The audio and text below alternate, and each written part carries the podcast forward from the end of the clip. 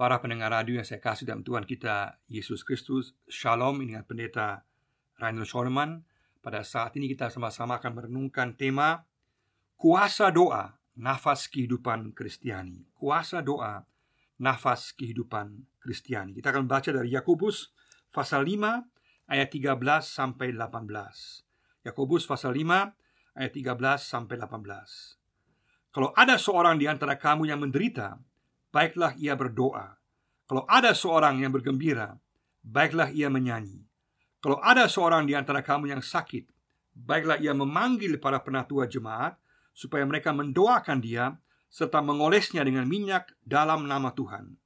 Dan doa yang lahir dari iman akan menyelamatkan orang sakit itu dan Tuhan akan membangunkan dia dan jika ia telah berbuat dosa maka dosanya itu akan diampuni. Karena itu Hendaklah kamu saling mengaku dosamu dan saling mendoakan supaya kamu sembuh. Doa orang yang benar bila dengan yakin didoakan sangat besar kuasanya. Elia adalah manusia biasa, sama seperti kita, dan ia telah bersungguh-sungguh berdoa supaya hujan jangan turun, dan hujan pun tidak turun di bumi selama tiga tahun dan enam bulan. Lalu ia berdoa pula, dan langit menurunkan hujan, dan bumi pun mengeluarkan buahnya. Kuasa doa, nafas kehidupan Kristiani. Dalam teks ini ditekankan tentang kesempatan dan kuasa doa. Delapan kali kata doa yang menekankan kesempatan dan kuasa doa ditekankan di sini. Yakobus menggambarkan berbagai situasi kehidupan dan memberikan petunjuk untuk menghadapinya. Di tengah-tengah situasi gejolak politis pada waktu itu ada banyak orang yang merupakan pejuang kemerdekaan bagi Israel melawan penjajah Romawi pada waktu itu. Juga di tengah-tengah penindasan orang miskin yang ditindas oleh orang-orang kaya. Juga tengah-tengah penderitaan orang percaya, orang Kristen yang ditekan oleh orang-orang Yahudi pada waktu itu. Di tengah-tengah situasi berbagai jenis gejolak, penindasan, penderitaan, maka Yakobus memberikan sebuah nasihat bahwa jawabannya adalah doa sebagai nafas kehidupan Kristiani. Yakobus sendiri bukan saja berteori, tapi dia seorang yang sungguh-sungguh berdoa. Kita tahu Yakobus adalah ketua sinode pertama di Yerusalem dan dia bukan hanya berbicara tapi dia mempraktekkan doa dengan sungguh-sungguh. Dikatakan bahwa dia begitu banyak berdoa sehingga lututnya dikatakan setebal kulit unta karena begitu tebal karena dia sungguh serius untuk berlutut dan berdoa dan bahkan pada saat dia dihukum mati dia pun mati dalam keadaan berdoa sehingga Yakobus mengajarkan bahwa dalam segala situasi kehidupan kita kita dipanggil untuk meyakini kesempatan dan kuasa doa. Dalam teks ini Yakobus menjelaskan lima hal penting yang perlu diperhatikan secara praktis mengenai doa. Yang pertama adalah doa pribadi dalam penderitaan. Ayat 13a, doa pribadi dalam penderitaan ayat 13a. Di sini Yakobus menggambarkan penderitaan yang bukan disebabkan kesalahan sendiri atau bukan karena penyakit, tetapi penderitaan karena kita beriman kepada Kristus karena kita percaya kepada Yesus.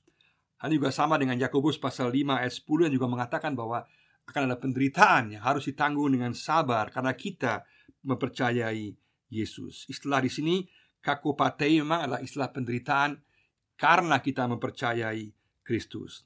Di sini berarti ada penderitaan yang bisa disebabkan bersifat materi dan mati kita tidak sekaya orang lain yang curang atau kita mungkin tidak dapat posisi setinggi orang lain karena kita beriman kepada Kristus atau kita mungkin juga akan diejek orang lain, bahkan mungkin difitnah orang lain, bahkan juga bisa mengalami sampai pada penderitaan, bahkan bisa dianiaya dan bahkan dibunuh karena iman kepada Yesus yang kemudian juga dialami sendiri oleh Yakobus yang karena imannya kepada Kristus kemudian mati syahid. Di tengah-tengah situasi penderitaan ini, kita dipanggil untuk sungguh-sungguh berdoa dan meyakini kekuatan kuasa doa yang dapat menghibur kita, menguatkan kita, menyertai kita di tengah-tengah situasi yang sulit. Di sini bukan berarti bahwa kesulitannya akan hilang, bukan.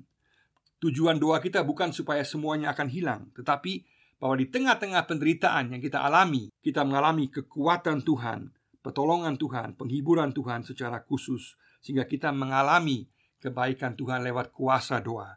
Tuhan dapat menghilangkan, melenyapkan penderitaan kita, tapi Tuhan juga dapat menguatkan kita di tengah penderitaan kita. Maka kuasa doa sangat penting di tengah-tengah segala jenis situasi penderitaan kita. Bagaimana situasi kita? Apakah kita sungguh-sungguh berserah kepada Tuhan, berdoa meminta kekuatannya, penghiburannya di tengah-tengah berbagai penderitaan yang kita alami. Ataukah kita sudah bersifat kompromi dengan dosa atau cari pertolongan kuasa lain, atau kita mungkin mencari cara-cara yang lain. Kita dipanggil untuk membawa semua pergumulan kita dalam doa di tengah-tengah situasi penderitaan kita. Itu yang pertama. Yang kedua di sini adalah doa pribadi dalam sukacita. Doa pribadi dalam sukacita. Ayat 13b.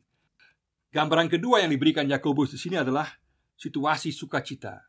Karena manusia atau orang Kristen pun ada kecenderungan pada saat sukacita, pada saat senang, pada saat sukses, pada saat berhasil, bisa melupakan untuk berdoa kepada Tuhan karena menganggap semuanya beres. Seringkali pada saat punya masalah baru berdoa, tapi pada saat kita sudah ditolong Tuhan atau mengalami sukacita, kita lupa mengucap syukur dan lupa untuk memberikan pujian kepada Tuhan. Calvin pernah mengatakan, siapa yang bernyanyi, ia berdoa dua kali. Di sini Yakobus katakan barang siapa yang mengalami sukacita, hendaklah dia menyanyi maka kita memuji Tuhan, bersyukur kepada Tuhan. Maka di tengah-tengah situasi sukacita kita dipanggil supaya pujian syukur menjadi kebiasaan bagi kita. Bukan hanya bahwa kita berterima kasih pada Tuhan, tetapi supaya hidup kita sungguh-sungguh berorientasi kepada Tuhan. Sehingga apa pun situasi kita, kita memuji Tuhan. Dalam perjanjian lama 50 kali dikatakan panggilan untuk memuji Tuhan. Dan perjanjian baru juga sama, menekankan pentingnya pujian syukur pribadi dalam kelompok misalnya 1 Korintus 14 ayat 15, juga Efesus 5 ayat 19, Kolose 3 ayat 16. Berarti bahwa kita dipanggil Tuhan untuk menyembah Tuhan terlepas daripada situasi kita tengah-tengah penderitaan ataupun di tengah-tengah sukacita.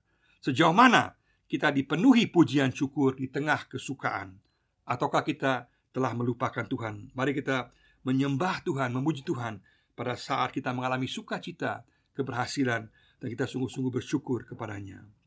Yang ketiga adalah doa para penatua bagi orang sakit. Doa para penatua bagi orang sakit ayat 14 sampai ayat 15. Di sini digambarkan gambaran situasi yang ketiga yaitu situasi orang yang sakit. Sakit di sini berarti sakit keras atau cukup parah, bukan sakit yang ringan-ringan yang biasa saja. Dan di sini dikatakan bahwa pada saat seseorang sakit, maka perlu dipanggil para penatua untuk mendoakan orang tersebut.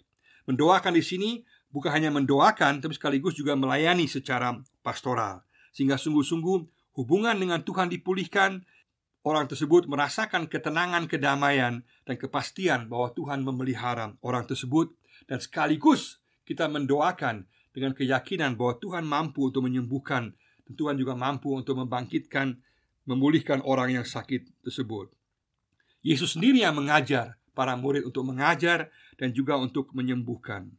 Dan para penatua di sini yang memiliki pengetahuan Alkitabiah yang baik, mereka juga bisa melihat latar belakang penyakit. Karena dalam Alkitab, penyakit bisa terjadi karena dosa pribadi. Maka kalau ada dosa pribadi, maka jelas sekali maka harus diselesaikan di hadapan Tuhan, diakui di hadapan Tuhan supaya kesembuhan dapat terjadi baik secara langsung maupun secara bertahap. Juga bisa karena dosa universal karena kejatuhan manusia dalam dosa sehingga manusia terkena, tertimpa oleh dosa. Maka terjadi berbagai jenis kejahatan, kekacauan, kekerasan dalam kehidupan masyarakat di mana kita tidak bersalah secara langsung, tetapi kita harus tahu bahwa kita pun bisa terkena penyakit yang kemudian akibat dosa membawa kepada kematian. Maka perlu sekali ada penguatan iman. Perlu sekali maka kuasa doa dapat memberikan kita kepastian penghiburan kekuatan Allah di tengah-tengah penderitaan sakit penyakit yang tengah kita alami. Yang ketiga juga bisa penyakit terjadi supaya Tuhan dimuliakan, supaya orang itu mengalami kuasa Tuhan dan kuasa Tuhan dapat sungguh-sungguh dinyatakan misalnya Yohanes pasal 9 dan juga Markus pasal 5 25 dan seterusnya digambarkan bagaimana penyakit Tuhan pakai supaya namanya dipermuliakan kuasanya dinyatakan. Yang keempat juga mungkin adalah orang sakit karena terikat kuasa kegelapan. Maka pada saat orang itu terikat kuasa kegelapan, maka dosanya dosa kuasa kegelapan harus diakui, diputuskan, dilepaskan sehingga orang tersebut dapat mengalami kesembuhan. Yang kelima, juga mungkin terjadi bahwa seseorang menderita sebagai ujian bagi kedewasaan rohani kita. Bisa kita baca dalam Ibrani pasal 12 ayat 5 sampai 11 atau juga 2 Korintus 12 ayat 7 sampai 9 digambarkan bagaimana sakit penyakit juga bisa diberikan oleh Tuhan, diizinkan Tuhan untuk membuat kita semakin dewasa secara rohani. Maka kita perlu kepekaan yang luar biasa untuk melihat mengapa seseorang itu sakit supaya dapat ada pelayanan pastoral dan sekaligus pelayanan doa berjalan bersama-sama. Maka perlu ada analisa yang jelas mengapa orang itu sakit. Kalau orang itu sakit karena kuasa gelap, maka harus diputuskan diakui. Kalau sakit karena dosa pribadi, maka juga harus diakui. Kalau sakit karena Tuhan mau dimuliakan, maka kita mengharapkan kuasa Tuhan yang campur tangan. Kalau kita lihat bahwa Tuhan sedang menguji kedewasaan iman, maka kita letakkan dalam tangan Tuhan supaya orang tersebut diberikan kekuatan penghiburan dari Tuhan sendiri. Penyakit juga bisa disebabkan oleh karena dosa universal, karena setiap manusia akan mengalami sakit penyakit dan akan mengalami kematian oleh karena dosa universal. Dalam situasi seperti itu, maka kita harus mendoakan orang tersebut agar dia dapat kekuatan, penghiburan, keyakinan akan keselamatan dan pemeliharaan Tuhan di tengah-tengah situasinya, sekaligus mendoakan orang tersebut untuk sungguh-sungguh dapat mengalami pemulihan dan kesembuhan, sekaligus meletakkan dalam tangan pengasihan dan kehendak Tuhan. Di sini istilah yang dipakai adalah istilah penguatan iman untuk keselamatan jiwa sekaligus juga untuk pemulihan secara jasmani. Maka kedua-duanya kita letakkan dalam tangan Tuhan agar terjadi pemulihan secara jasmani dengan doa sekaligus yang paling penting yang paling utama adalah ada keselamatan jiwa, kepastian keselamatan kekal dalam Tuhan ada penguatan iman. Untuk itu Yakobus sebutkan penting sekali untuk mengoleskan minyak dan juga untuk berdoa dalam nama Tuhan. Kenapa minyak? Karena minyak mempunyai arti yaitu sebagai obat. Dengan demikian maka penggunaan minyak atau juga obat medis secara umum adalah sesuai dengan kehendak Tuhan Sekaligus kita juga mendoakan dengan nama Tuhan. Maka pengurapan di sini juga selain mempunyai arti medis juga mempunyai arti rohani. Karena pengurapan adalah tanda atau simbol penyertaan, pemeliharaan serta kesukaan dari Tuhan yang berdasarkan kepada kasih karunia Allah kepada kita. Misalnya Ulangan 28 ayat 40, Yesaya 25 ayat 6 dan 7, Mika 6 ayat 15 dan seterusnya. Maka minyak urapan di sini melambangkan simbol bahwa Tuhan menyertai kita, Tuhan memelihara kita, Tuhan peduli pada kita di tengah-tengah situasi yang sedang dialami. Sehingga orang tersebut pada saat dioleskan minyak bukan hanya diberikan obat secara medis, tapi juga diberikan penguatan janji pemeliharaan Tuhan bahwa Tuhan ada baik di tengah-tengah situasi kehidupan maupun juga sampai menjelang kematian dan juga sampai kehidupan kekal. Penyertaan Tuhan tetap sama karena Tuhan beserta dengan setiap orang yang percaya kepadanya. Dengan demikian maka simbol minyak urapan memberikan juga kekuatan akan pemeliharaan kepastian penyertaan Tuhan. Sekaligus juga istilah membangunkan dia atau memulihkan juga punya arti yang untuk masa kini sekaligus juga punya arti untuk masa depan secara eskatologi seperti Tuhan juga akan memulihkan dia memberikan dia kekuatan pada masa sekarang juga bisa menyembuhkan orang tersebut dan sekaligus juga memberikan kepastian akan masa depan eskatologis, masa depan yang kekal bersama-sama dengan Tuhan. Maka dengan demikian minyak urapan menjadi kekuatan penghiburan yang luar biasa, kepastian penyertaan Tuhan. Dan juga ungkapan dalam nama Tuhan jangan dimengerti secara magis, tetapi harus dia sebagai keyakinan akan kuasa penyembuhan Tuhan dan sekaligus penyerahan diri ke dalam tangan Tuhan. Dengan demikian menggunakan obat medis dan sekaligus sungguh-sungguh berdoa pada Tuhan Meyakini akan kuasa Tuhan Tidak boleh dipertentangan Dan kedua-duanya berjalan bersama-sama. Yesus sendiri menggarisbawahi Pentingnya percaya akan Allah yang dapat melakukan hal-hal yang besar. Misalnya Markus 11 ayat 21 sampai 24 Juga Yohanes 16 ayat 23 Tapi juga sekaligus juga ada penyerahan diri Kepada kedaulatan Allah. Dalam Markus pasal 14 ayat 34 sampai 42. Maka ada sikap aktif berdoa dan sekaligus berserah kepada kehendak Tuhan. Kedua-duanya lah wujud iman yang dinyatakan para penatua dalam doa dengan pengurapan minyak. Sekali lagi, bukan minyaknya yang menyembuhkan, tapi nama Yesus yang menentukan kuasa nama Yesus. Minyak di sini hanyalah sebagai simbol yang melambangkan kehadiran penyertaan Tuhan dan sekaligus penggunaan medis. Pada saat ada dosa dalam kehidupan orang tersebut, maka perlu diakui, diselesaikan supaya sungguh-sungguh dapat mengalami pengampunan Tuhan. Karena tujuan daripada pemulihan adalah keselamatan dan kesembuhan, kata Zotso. Jiwa dan tubuh disembuhkan pada masa kini dan juga pada masa yang akan datang. ada keyakinan bahwa Tuhan akan memberikan yang terbaik dalam kehidupan saat ini maupun kehidupan yang akan datang. Berserah kepada Tuhan sekaligus juga meyakini akan kuasa penyertaan Tuhan dan juga kuasa pemulihan Tuhan dalam kehidupan kita. Yang keempat adalah pemberesan dosa dan doa dalam persekutuan jemaat ayat 16a. Di sini Yakobus tekankan bahwa sangat penting adalah saling mengampuni, saling mengakui dosa di tengah-tengah jemaat karena juga banyak penyakit dapat disebabkan oleh karena dosa atau juga ketidakberesan kehidupan di tengah-tengah jemaat yang mengakibatkan stres dan juga gangguan kesehatan dan juga kejiwaan kita. Dan juga sesuai dengan juga apa yang dikatakan oleh para ahli bahwa 70% penyakit yang dimiliki orang bersifat psikosomatis. Artinya karena gosip, karena konflik, karena mobbing, karena tekanan, karena berbagai macam masalah, orang merasa stres dan kemudian juga mengakibatkan sakit secara badani. Yakobus katakan bahwa pembersihan secara rohani sangat penting, baik secara pribadi, meminta ampun dosa kita di hadapan Tuhan, sekaligus saling mengampuni akan membuat kita menjadi orang-orang yang segar, yang sehat, dan merasa lepas daripada berbagai beban.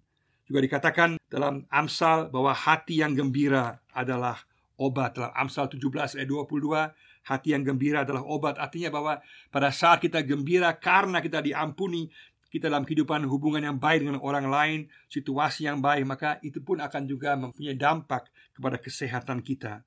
Maka pengakuan dosa di hadapan Tuhan akan menguatkan kita. Pengampunan dosa saling mengampuni satu dengan yang lain juga akan membuat kita bersuka cita, membuat kita kuat sehingga kita menjadi segar dan kita juga kemudian dipulihkan oleh Tuhan.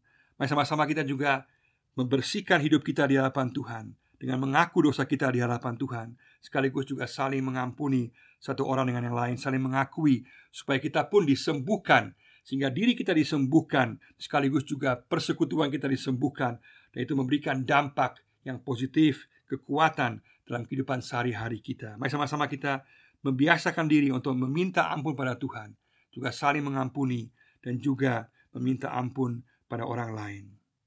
Yang kelima yang terakhir adalah kuasa doa yang luar biasa bagi setiap orang percaya. Kuasa doa yang luar biasa bagi setiap orang percaya. Di sini dikatakan bahwa kuasa doa yang luar biasa dijanjikan kepada orang benar. Siapa itu orang benar? Orang benar bukanlah orang yang khusus atau pahlawan iman atau kelompok pemilik karunia tertentu, bukan.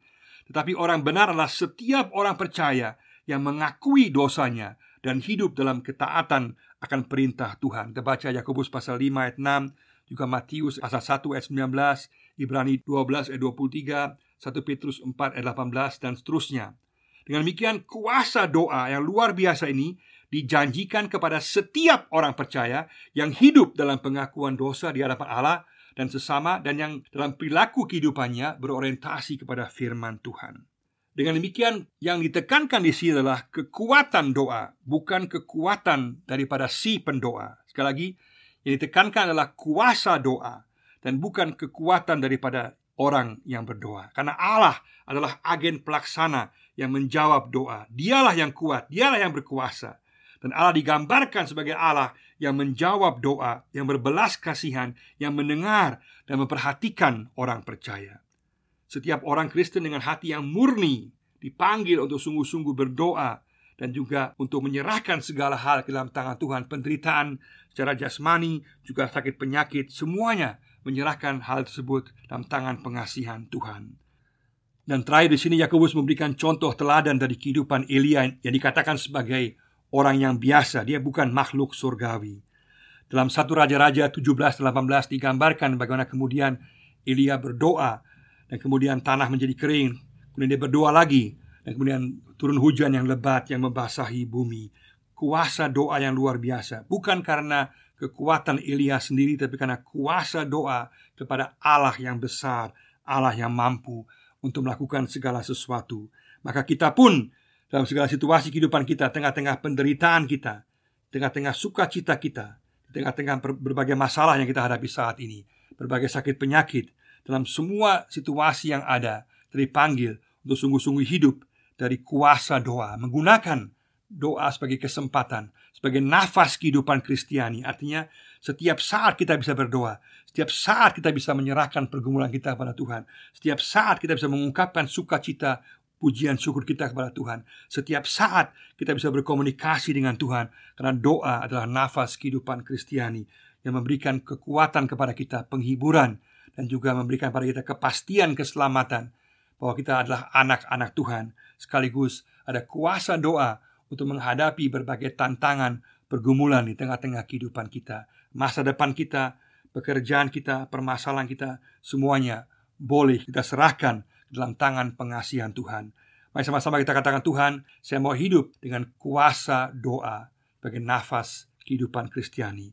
Saya mau hidup dari kuasa doa sebagai nafas kehidupan saya secara pribadi, hari demi hari, dalam komunikasi dengan Tuhan, menyerahkan semua kepada Tuhan, bersuka cita, bersyukur, bernyanyi, dan juga meyakini bahwa kuasa doa dapat menghibur, menguatkan, mengubah kehidupan. Baik sekarang maupun kekal selama-lamanya bahwa kehidupan kita ada dalam tangan Tuhan. Hiduplah dalam kuasa dan kesempatan berdoa dalam nama Yesus. Tuhan memberkati kita semua. Amin.